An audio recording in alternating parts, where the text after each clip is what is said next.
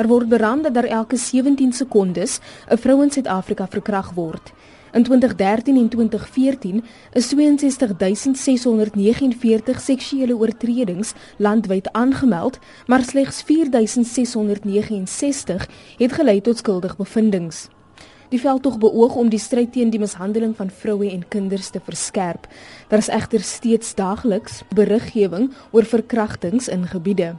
'n Tafelsig inwoner, Sherin, wat slegs haar eerste naam wou gee, is op die ouderdom van 17 deur 'n bendegroep verkragt.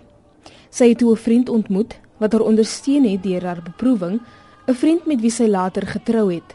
Ongelukkig het haar man haar vroeg in hul huwelik fisies en emosioneel begin mishandel. Na meer as 30 jaar in die huwelik en drie dogters later, moes Sherin weer leer om haarself lief te hê. Ek het ook nog as vir my, ek moet maar sit saam met jou because jy het kans sien vir my in die in.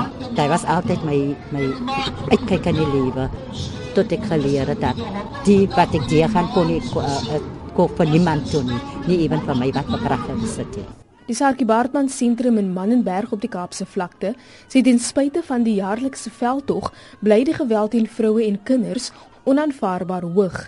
Die direkteur van die sentrum, Shahima McLeod, We really need to start looking at changing the learned behavior and the belief systems that have been instilled within our communities. When we're talking about our adults and our young teenagers within the community, we want to provide them with the information that will show them that there, there's different ways to manage a conflict situation. You don't have to resort to violence to get your point across. Die Sonke Gender Justice Network sê die jaarlikse veldtog word te vergeefs gedoen. 'n Woordvoerder vir die netwerk, Patrick Godana, sê 'n duidelike strategiese plan om geslagsgebaseerde geweld te bekamp is nodig. We are calling for a clear plan to combat gender-based violence in this country. The manner in which the organs of state are responding to issues of domestic violence for us leaves much to be desired. I will take a simple example around the issue of protection order.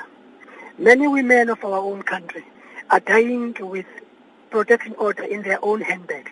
The issue around policing needs to be improved as well.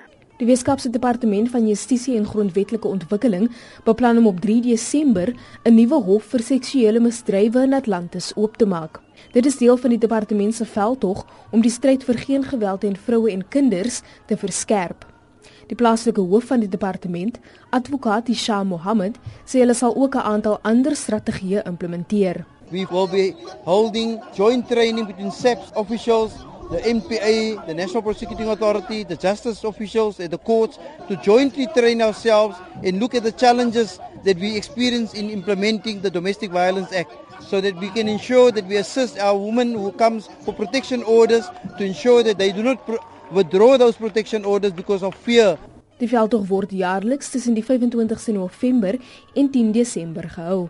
Ek is Lynn Arendse in Kaapstad.